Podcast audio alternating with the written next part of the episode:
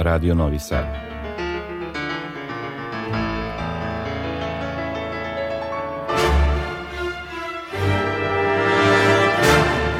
Domaća muzička scena.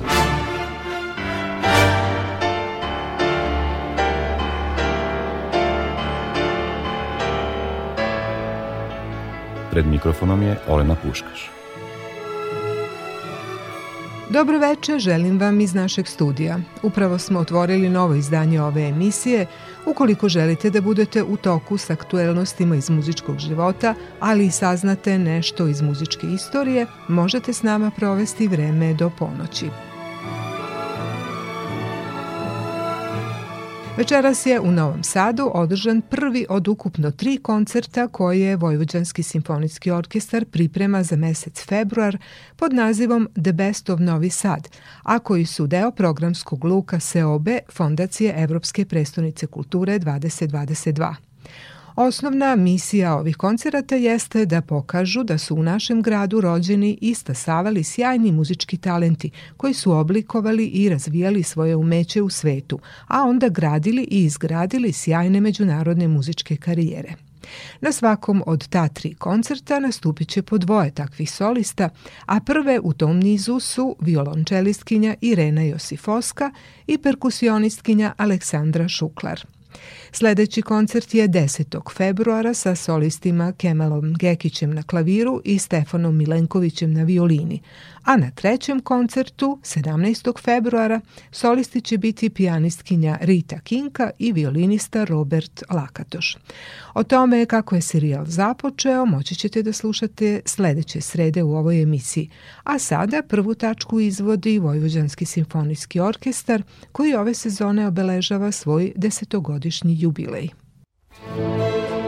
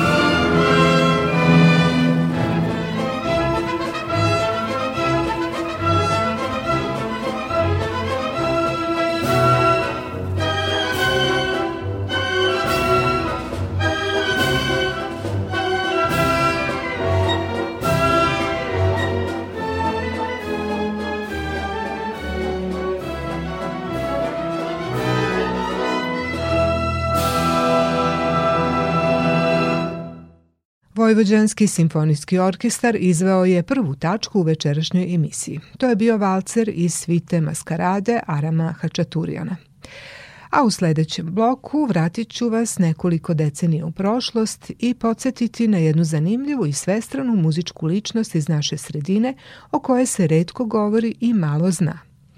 Naime, 13. februara navršit će se tačno 40 godina od smrti Stanislava Prepreka, kompozitora, horovođe, orguljaša, melografa i pesnika iz Petrova Radina. To je povod da obnovimo sećanje na ovog umetnika koji je stvorio impozantan opus u kom je pesnički, odnosno književni deo, znatno bolje očuvan u narodu. Međutim, njegov muzički deo verovatno bi potpuno pao u zaborav i bio bi izgubljen da nije bilo pijaniste Đure Rajkovića. On je puno energije, volje i strpljenja posvetio tome da pronađe i sačuva njegove kompozicije. Neke od njih snimio je i lično u našem studiju, a kada se obeležavala 110. godišnjica od rođenja prepreka, Đuro Rajković je bio moj gost i podelio sa slušalcima Radio Novog Sada priču o njegovom poznanju dostojanstvu sa preprekom. Ove godine će se navršiti 10 godina od kako ni Đuro Rajković više nije među nama, pa verujem da će ovaj insert iz jedne arhivirane emisije Domaća muzička scena koji sledi u narednih 30 minuta ujedno evocirati uspomene i na njegov jedinstveni lik. Kada je reč o Stanislavu Prepreku, ja zaista nisam mogla pozvati e, boljeg sagovornika od vas. Vi ste Prepreka lično poznavali, e, na neki način bili ste fascinirani njegovim stvaralaštvom i imate mnogo toga da kažete o njemu. Pa evo, bilo bi najbolje da krenemo od toga kada ste vi upoznali Prepreka, kada je to bilo i na koji način? E to sad moram da se dosta daleko vratim u prošlost. To je bilo još kada sam bio učenik e, u osnovnoj školi. E, to je bilo tamo 46. i 7. godine kada je bilo u Petrovaradinu takozvana sedmojetka, to je po ruskom principu, nakon drugog svjetskog rata, Prepreg je tamo predavao dve godine e, muzičko, muzičko ovaj, obrazovanje, Dao je, nastavnik muzike je bio i tamo mi je bio dve godine nastavnik muzike i e, još u, u školi, dok ga nisam lično upoznao, ja sam već osjećao da je to jedan zaista uman čovjek E, ko što je odavao i njegov način predavanja, a i njegov i ceo izgled, govorio je o čoveku koji je zaista umetnik. I, a prvi kontakt sa njim sam imao, prvo upoznavanje, zahvaljujući mojoj mami, koja me je odvela kod njega u jesen 1949. godine u biblioteku, jer on je bio Petrovaradinski i bibliotekar, 19 e, godina je bio bibliotekar i ja sam ga tada upoznao tamo negde krajem septembra meseca i to je bio prvi moj kontakt, upisao sam se u čitaonicu i posle nekoliko susreta sa njim E, i, i, zapravo i već kod tog prvog susreta, to je bilo već na takvo jedno prijateljstvo da ne znam ni kako je to došlo da je on mene toliko isto nekako zavoleo i, i bez da sam ja pričao o tome da sam mu ja bio prije učenik i tako dalje, on je mene nekako čim je čuo da sviram klavir, jer ja sam tada već počeo da sviram klavir, i mm, to je bila druga godina već mo, moga učenja klavira I onda mi je jednoga, jedan put, kad sam jedno, dva, tri puta otišao kod njega, valjda treći puta, e, pošto je u čitaonici bio pijanino, imao je pijanino i to vrlo dobar pijanino, e, stavio je mi neke note, i to dosta lake note, da ja čitam to s lista. Kaže, evo kad ti već učiš klavir, probaj da mi to odsviraš s lista. No, međutim, ja se nikada nisam bavio sa čitanjem s lista, to je bila tek druga godina i ja se mučim, s jednom rukom sam svirao, pa malo sa levom, jel, prvo pa s desnom i tako, a on je gledao i vidim, smeška se, a on kaže, pa to je jako lako. Evo, ja ću ti to sa jednom rukom odsvirati. I ja sad pogledam i on digne levu ruku i sa levom rukom i odsvira svira sve ono što je stavio predam. Ili to bila... I onda sam video, bože, a kako se tako može svirati samo s jednom rukom i tako brzo, odmah, bez vežbanja. Bez... I onda je to mene još više, e, još više nagnalo da i trgnulo da, posta, da vežbam još više klavir i da, da se još više predam u, u studij klavira i tako dalje. Tako da, eto, dakle, on je vama dao posticaj za taj pionistički napredak. I na pijanistički napredak i naravno kada se ta biblioteka biblioteka koja je bila tada preko puta te osnovne škole preselila e, 1953. godine u, u ulicu Frankopansku, sada je to ulica Kostenađa, generala Kostenađa, zvala se Vladimir Nazor i danas nosi taj naziv Vladimir Nazor. E, od, od, od tada je počela naša intenzi, intenzivna saradnja i na e, kulturnom i na, da kažem, i na naučnom, tako da kažem, umetničko-naučnom polju. Jer Prepreg je bio e, svestrana ličnost, on je jako, ne samo da je on bio i umetnik što se tiče kompozitor, muzi, mislim muzičar, on je bio i genijalan, bi bio slikar, da je on video, mhm. pošto je imao hendikep u životu, da je bio slepeo u 1959. Mhm. godine na mhm. oba oka, više vi nije video, ali ovaj, to je bila njegova široka naobraženost i on je ovaj, sa mnom radio na svim tim projektima čitaonice, na koncertnim, e, na sastavljanju koncerata na mesec, za vreme mesec dana knjige, dok je knjiga trajala. E, to je bila propaganda u Petrovaradinu u knjigama i tako, to je bio mesec dana knjige tada, tako se zvalo ujesan. Zanima me samo jedan detalj kada ste već spomenuli uh, tu kompoziciju za klavir koju vam je stavili. To bila njegova kompozicija? Ne, nije bila njegova nije kompozicija. Bila njegova. To je bila jedna, ne znam, ko, ja to, to više ne mogu da mhm, setim. Mm -hmm. To su bile dosta lake note, ali naravno, pošto sam bio druga godina klavira, ja nikad nisam mm -hmm. svirao s lista, nisam to vežbao. E, ali to me nagnalo, to da, njegovo da, ali pokazivanje. verovatno je on ipak vladao uh, klavirom. On je vladao klavirom savršeno i sa orguljama, on je bio veliki orgulj orguljaš, on je bio čak najveći improvizator na orguljama i na, i na klaviru e, i njegove improvizacije koje je on izvodio na orguljama i klaviru, to je u stvari bilo njegovo najgenijalnije delo. To je isto slično kao što je bilo sa recimo austrijskim kompozitorom Antonom Brucknerom. Mi, mi znamo da je Bruckner bio veliki orguljaš i on kad je or, na orguljama e, izvodio improvizacije, svi muzičari ondašnjeg vremena, u 19. veku koji su to slušali, e, rekli su da je to u stvari ali najgenijalnija muzika koju je on, ne ona da. koju je on pisao, on, da, da, da. zapisivao, nego baš ta improviz, njegove improvizacije, da, improvizacije su bile još genijalnije od onog što je zapisao. Tako i kod prepreka. Sigurno da je improvizacija jedna posebna veština je koja, veština. koja ne znam do koje mere se može naučiti. Mi ćemo imati dovoljno vremena da pričamo o raznim segmentima njegovog rada, ali ja bih sada da se zaustavimo baš na tom klavirskom opusu Jeste. koji je najobimniji. Jeste. E, Preprek je zaista bio bio vezan za klavir jako, e, e, ne, ne samo, e, zapravo najviše možda iz razloga što nije video I on je, eh, on, on, on, njemu je bilo mnogo te, ipak teško da piše za orkestar i tako dalje, gde ima po 30 i 40 redi, jel tako? I to, to je napor i za vid i sve. I on je bio ipak najviše koncentrisan na klavir i to je bio, to je bio njegov instrument u kome je on najintimnije svoje e, doživljaje unutrašnje mogao da iskaže. Evo, ja bih još eh, da. da malo više pričamo o tom klavirskom opusu i o njegovom stilu, ali da bismo imali e, neki predložak, ja predlažem da čujemo prvu numeru i e, mislim da će biti najbolje da, da čujemo e, najstariju zabeleženu, odnosno najstariju koja se nalazi snimljena ovde u Jeste. fonoteci Može. našeg radija. E, to je kompozicija U večer, nastala 1916. godine u vašem izvođenju. Thank you.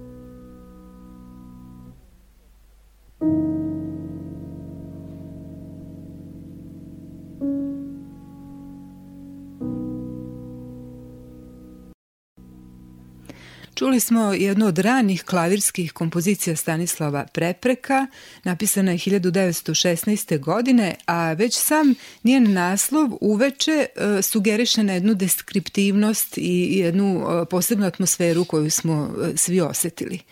E, šta bismo mogli reći o stilu, tom prvom ranom stilu Stanislava Prepreka? Pa, svakako, pošto je on rođen u poslednjoj godini 19. veka, jer 1900. godina je poslednja godina 19. veka, on je na to, to bio jako ponosan, što pripada 19. veku po rođenju, jer je 19. vek smatrao najvećim vekom umetnosti, nauke, filozofije i tako dalje, pa je on naravno i počeo kao romantičar. On je imao oslonac na romantiku, normalno bio je, voleo je on i klasiku, on je držao Beethovenove moje sonate pod glavom, kad je spavao, sonate su mu pod jastukom bile, on je na Beethovenovim sonatama spavao. Ali pošto je beton već isto ušao već u, u romantiku, svojim stvaralaštom, znači on je bio u duši romantičar. I ta, ta, ta prva dela njegova nalaze se u jednoj svesci to je dosta opširna sveska, tu ima od 1916. do 1919. godine su mu sabrane kompozicije koje je on e, naznačio u zagradi e, kao početnički napisao. Znači, znači neke kao, instruktivne eh, da. kompozicije da, za mlađi uzrast. Za tako? mlađi uzrast, ali to ipak nije sasvim početnički, tu, tu, tu već provejava i prava umetnost. Jeste da su to prvi njegovi koraci. U kompo, Zapravo kompo, ostvariti tu atmosferu, tu to atmosferu, je veoma teško. To je veoma teško, ali pošto je on bio za zaista veliki poznava, poznavalac harmonije i e, po rečima našega e, kompozitora Vlastimira Peričića, koji je, koje je meni lično saopštio u Beogradu, pred muzičkom akademijom, rekao je Đuro, pozdravite mnogo gospodina Prepreka, on je naš najveći harmoničar, jer, jer prilikom ovaj, ocenjivanja preprekovih kompozicija kada je on pristupao udruženju kompozitora Srbije profesor Peričić je bio jedan član verifikacione komisije i onda je on imao na pregledu jedno pet kompozicija sam ja njima odneo u Beograd, to je bila i Ljubica Marić i, i kompozitor Ris, Milan Ristić, oni su bili ta verifikaciona komisija i onda je m, mm, meni profesor Peričić rekao Preprekina je naš najveći jugoslovenski harmoničar. Ja sam kazao, jeste profesore, to ste u pravu. Znači, Preprek je jako voleo harmoniju i bio je zaista prevashodno harmoničar i to se u svim njegovim njegovim delima može osetiti, bez obzira da se radi o klavirskim kompozicijama, solo pesmama, e, gudačkim kvartetima, bilo da. šta da uzmete, ipak je tu prevladava harmonija. Ne treba propustiti da kažemo da je Preprek bio odličan orguljaš. Redovno je svirao u crkvi Svetog Jurija u Petrovaradinu, a tom instrumentu je posvetio i kompozicije od kojih su neke vrlo jarko obojene folklorom našeg vojvođanskog podneblja. Jednu takvu kompoziciju pod naslovom Pastirsko kolo sada ćemo čuti u izvođenju orguljaša Alena Kopunovića Legetina.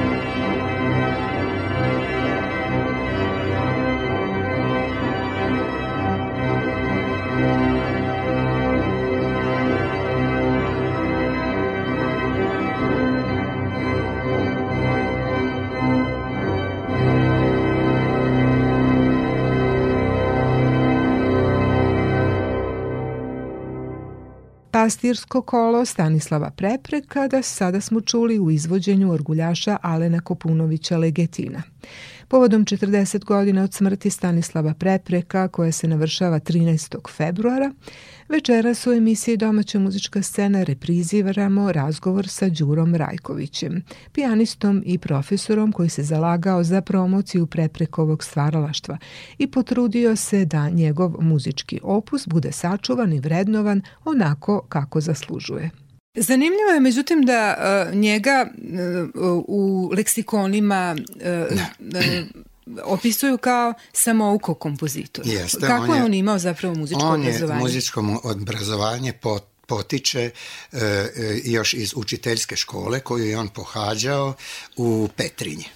E, to je bila zapravo najstrožija učiteljska škola i tata ga je tamo upisao, pogotovo po disciplini, a da ne kažem i po profesorima, to su bili e, majstori. Svaki koji je e, profesor je bio e, e, genije u svom predmetu i on je tamo imao osnov e, temelje položio tamo i kod profesora Stahuljaka je e, bio dve godine učio privatno sa njegovim sinom, najstarijim Jurijem Stahuljakom, je učio stari e, otac Stahuljak Vladimir, davao im je časove iz harmonije i to dve pune godine. Ali naravno da su tamo učili i muzičke oblike i još ponešto, jel? Nešto iz estetike i tako, muzike, jer profesor je bio završio konzervatorijum ovaj, muzički u Pešti.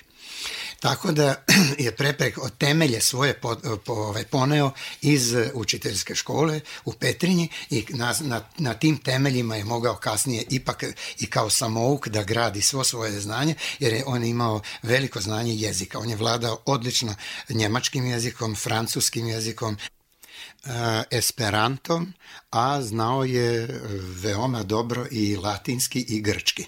A najviše je bilo koristi ipak od njemačkog jezika, jer ovo podneblje, naše vojvođansko, eh, Novi Sad i tako dalje, te knjižare u Novom Sadu, antikvarnice, pogotovo antikvarnice, tu je on u antikvarnicama najviše eh, se služio njemačkom literaturom, jer su njemci jako mnogo nosili svojih nota, jer mi smo u Vojvodini imali šest 500.000 Njemaca i oni su te svoje sve u antikvarnicu nosili te knjige i on je na njemačkom upoznavao celu muziku, tu, tu je bilo Bruckneru, to svim tim velikim kompozitorima njemačkim, svetskim, a to sve na njemačkom jeziku, jer da je on, e, to je bitnije da je vladao odlično njemačkim nego da je znao engleski, jer engleskom literaturom se tu ne bi ni mogao ni služiti toliko. Tako da je sve proširio svoje znanje i gradio na, najviše na znanju njemačkog jezika. A kada ste već spomenuli literaturu i te jezike, e, mislim da se on dosta inspirisao poezijom, da je pisao na poeziju nekih pesnika. Jeste, poeziju pesnika je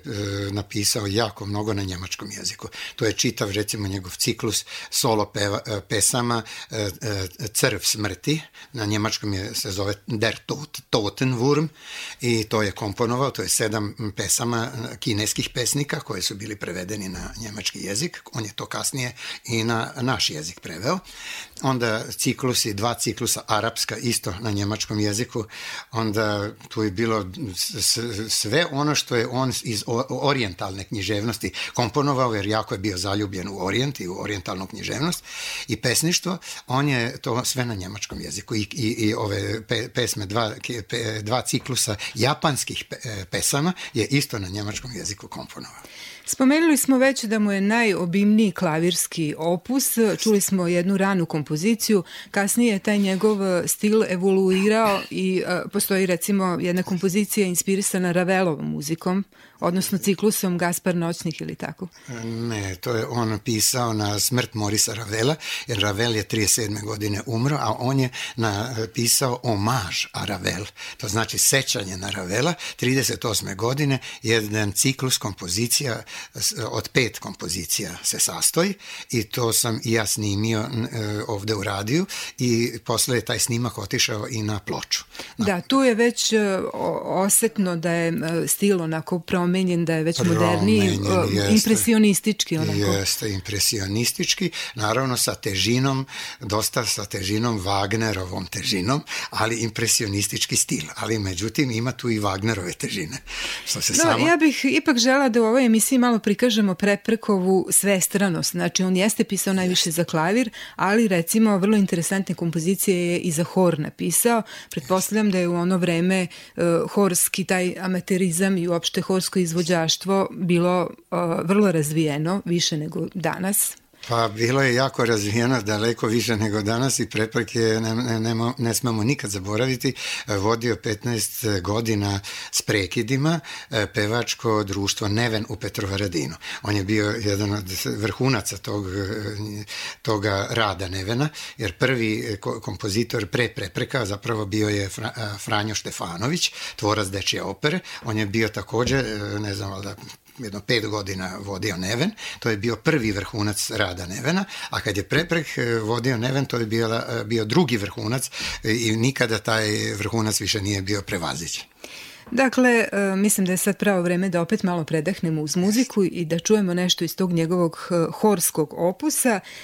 I gledajući taj horski opus nekako sam se opredelila da sad poslušamo šest narodnih pesama koje je svojevremeno e, snimio kamerni hor muzičkog centra Vojvodine pod upravom Juraja Ferika. Da, ali ti, samo da kažem, tih šest narodnih pesama, e, te pesme je zapisao kao učitelj u Slavoniji, dok je bio učitelj u Novoj kapeli.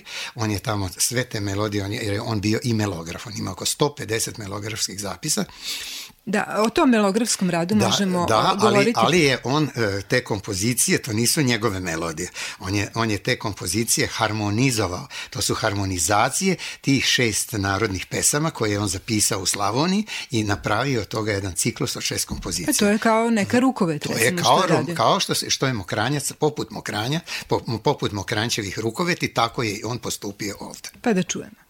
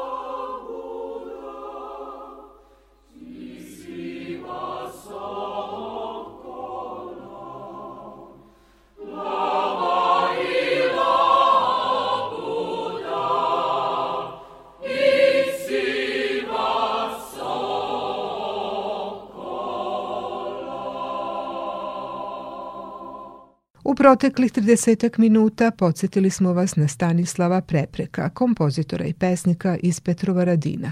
Povod je 40. godišnjica od njegove smrti koja se navršava 13. februara.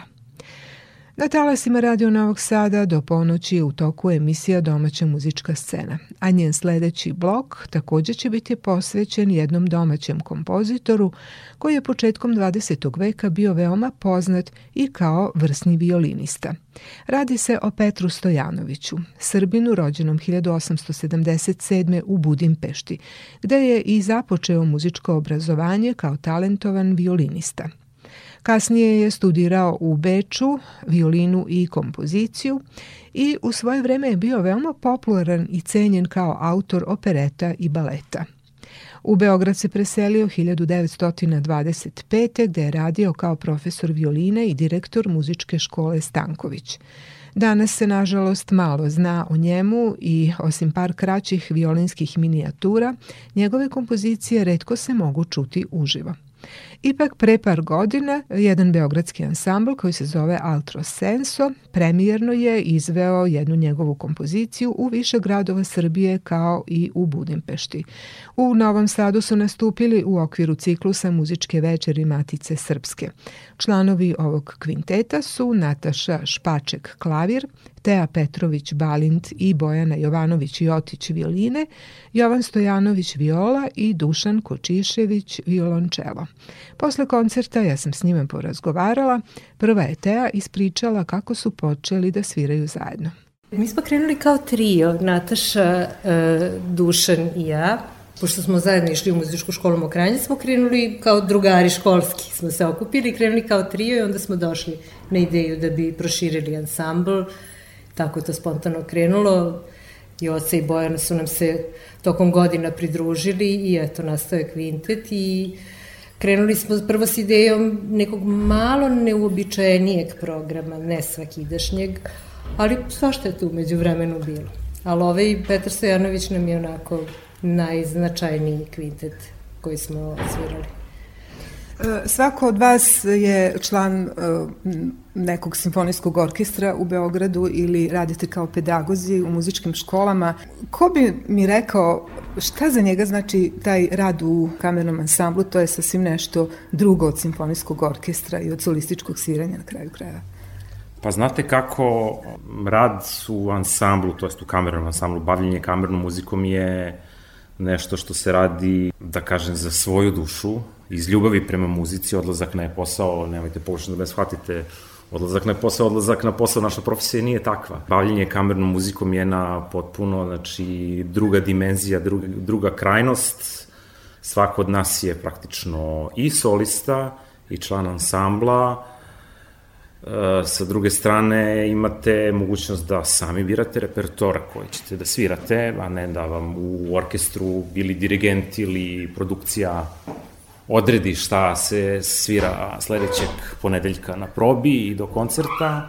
Ovo je jednostavno nešto što mi zaberemo i što mi kreiramo i to evo traje već nekih, da kažemo, pet godina sve zajedno. Trajanje od pet godina i nije malo kada je e, ansambl od pet članova u pitanju. E, koliko sam ja pročitala ovde u programu, vi ste jedan od redkih u stvari ansambla koji radi baš kao klavirski kvintet. E, jesmo, mi smo u stvari jedini stalni. E, ima kvinteta koji se ad hoc stvaraju za određene prilike, određene koncerte, ali oni prosto, da kažem, ne opstaju kao ansambl u celini. E, to se za, za taj koncert određeni napravi i posle se ljudi prosto svako na svoju stranu. Mi, mi opstajemo, hvala Bogu. Samo još da mi kažete za ovih pet godina šta biste izvojili onako kao nešto uh, što ćete pamtiti u dosadašnjem zajedničkom radu kao najinteresantniji? Pa ja bih izdvojio upravo ovo što smo večeras, što ste imali prilike da čujete. Petar Stojanović, ovaj, ovaj grandizan kvartet, ovaj je zbilje jedna biser kamerne muzike, pogotovo što naša, da kažem, naši kompozitori romantizma nisu bili ovako plodni, niti su pisali u zapadnom stilu na ovaj način. Tako da je ovo jedan jedan, jedan komad, jedna kompozicija koja je stvarno zavređuje da je se čovjek baš lepo posveti i jednostavno mislim da je na, čak i naša misija da sviramo domaći kompoziciore, pogotovo ako ima ovako lepih dela. Znači, to je na neki način naš zadatak i obaveza i bilo dovoljstvo da, da stvaramo nešto što su, odnosno da kreira, da, da, da reprodukujemo ono što su naši ljudi stvorili, tako da to, to je to. Thank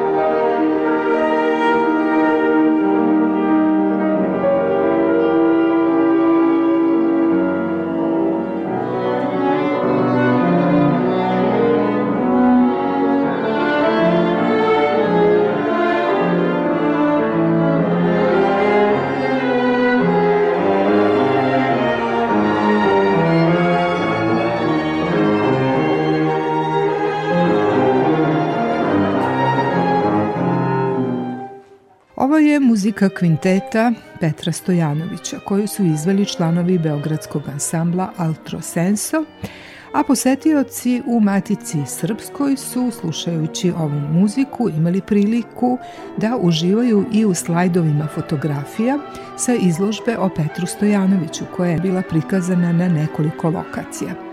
Budući da se ovde, nažalost, jako malo zna o ovom kompozitoru, Taj materijal je bio prava ekskluziva, jer je otkrio mnogo zanimljivih detalja iz njegovog života i muzičke karijere, koja je najintenzivnija bila u Beču početkom 20. veka.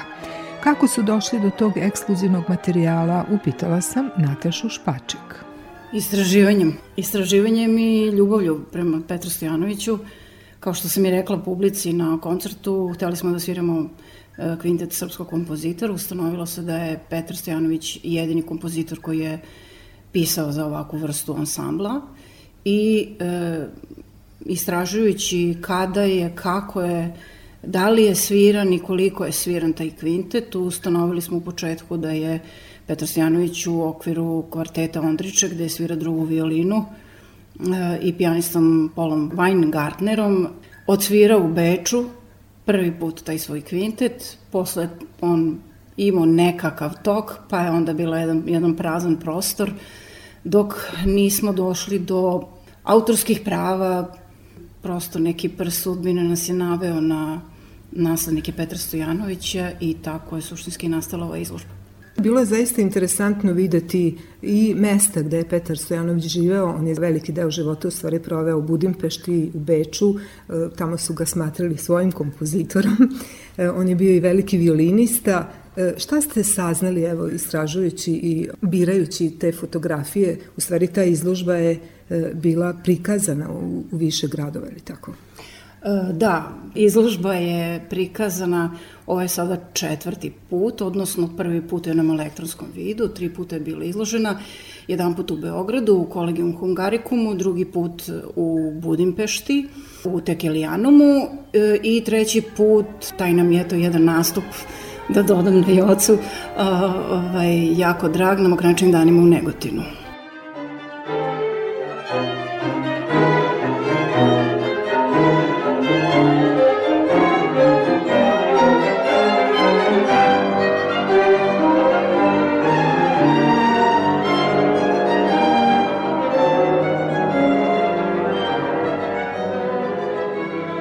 Petar Stojanović je trećinu života proveo u Budimpešti gde je rođen, trećinu života proveo u Beču gde je osnovao i svoju privatnu školu, gde je dobitnik eh, i nagrade eh, za eh, svoje stvarala što u jednoj, da kažem, tekućih godina dok, su ovde, dok je ovde buktao Prvi svetski rat da bi svoju zadnju trećinu života proveo u Beogradu E, gde je i umro i gde je jedan od osnivača muzičke akademije koje je, da kažem, osnovao i organizovao po ugledu na Bečki i Praški konzervatorijum. E, uveo je puno predmeta koji do tada apsolutno nisu bili niti postojali, kao što je, na primjer, kamerna muzika.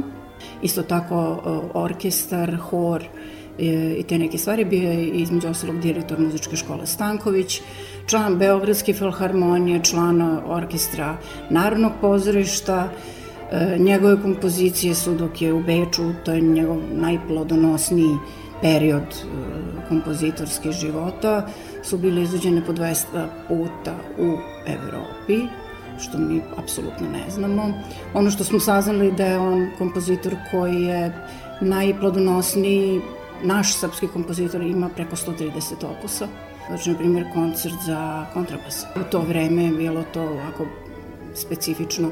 Deči horovi, koncert za al saksofon i orkestar, bezmalo klavirske kompozicije, solo pesme, opere, operete, e, baleti, gomila kamernih ansambala, e, zaista ogroman opus i raznovrstan. Kažem, osnivanjem e, muzičke akademije 1937. tu je bio profesor i tu je doživao svoju penziju. E, nastavio je da stvara, ostao je u toku drugog svetskog rata u Beogradu, proživao je sve ono što su proživali srpski kompozitori u, u to doba, uključujući i pisanje onih izjava da li su bili politički angažovani, nisu bili politički angažovani, znači sve je prešao preko njegovih leđa i umre 957.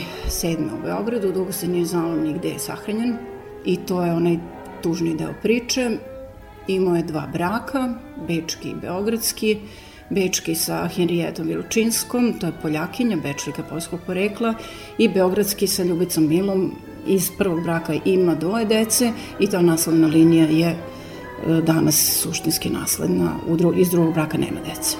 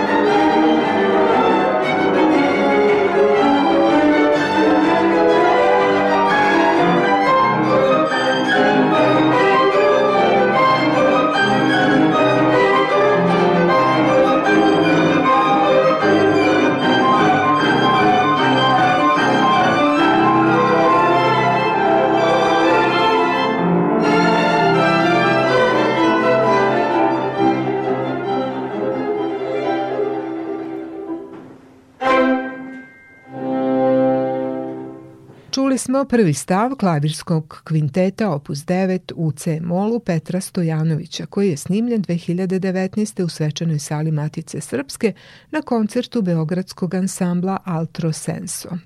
Evo sada još jednog dela razgovora sa članovima, to su Nataša Špaček klavir, Teja Petrović Balint, Bojana Jovanović Jotić violine, Jovan Stojanović viola i Dušan Kočišević violončelo. Ja moram priznati da sam večeras prvi put čula klavirski kvintet Petra Stojanovića i to je zaista jako lepo da smo imali tu priliku, ali ja bih vas sada upitala kao izvođače, e, s obzirom da je ta muzika vrlo prijatna, slušljiva, najviše liči, rekla bih, na Bramse ili tako na neku raskošnu romantiku. Kakav je to izazov za vas kao izvođače? Nimalo lako, pretpostavljam. Ogroman izazov u tehničkom smislu, pod broj 1, pod broj 2 u muzičkom smislu, pod broj 3 u tonskom smislu. E, ja sada iz ove perspektive koliko se bavimo kvintetom Stojanovićem koji je zaista e, zapostavljeni biser u srpskom stvaralaštvu, e, razmišljam se da li ćemo sresti težu kompoziciju od ove uz dužno poštovanje ostalim evropskim velikanima, prve reakcije posle koncerta su bile pa ovo ne zvuči kao kvintet, ovo zvuči kao orkestar. Da je jednostavno tako napisan.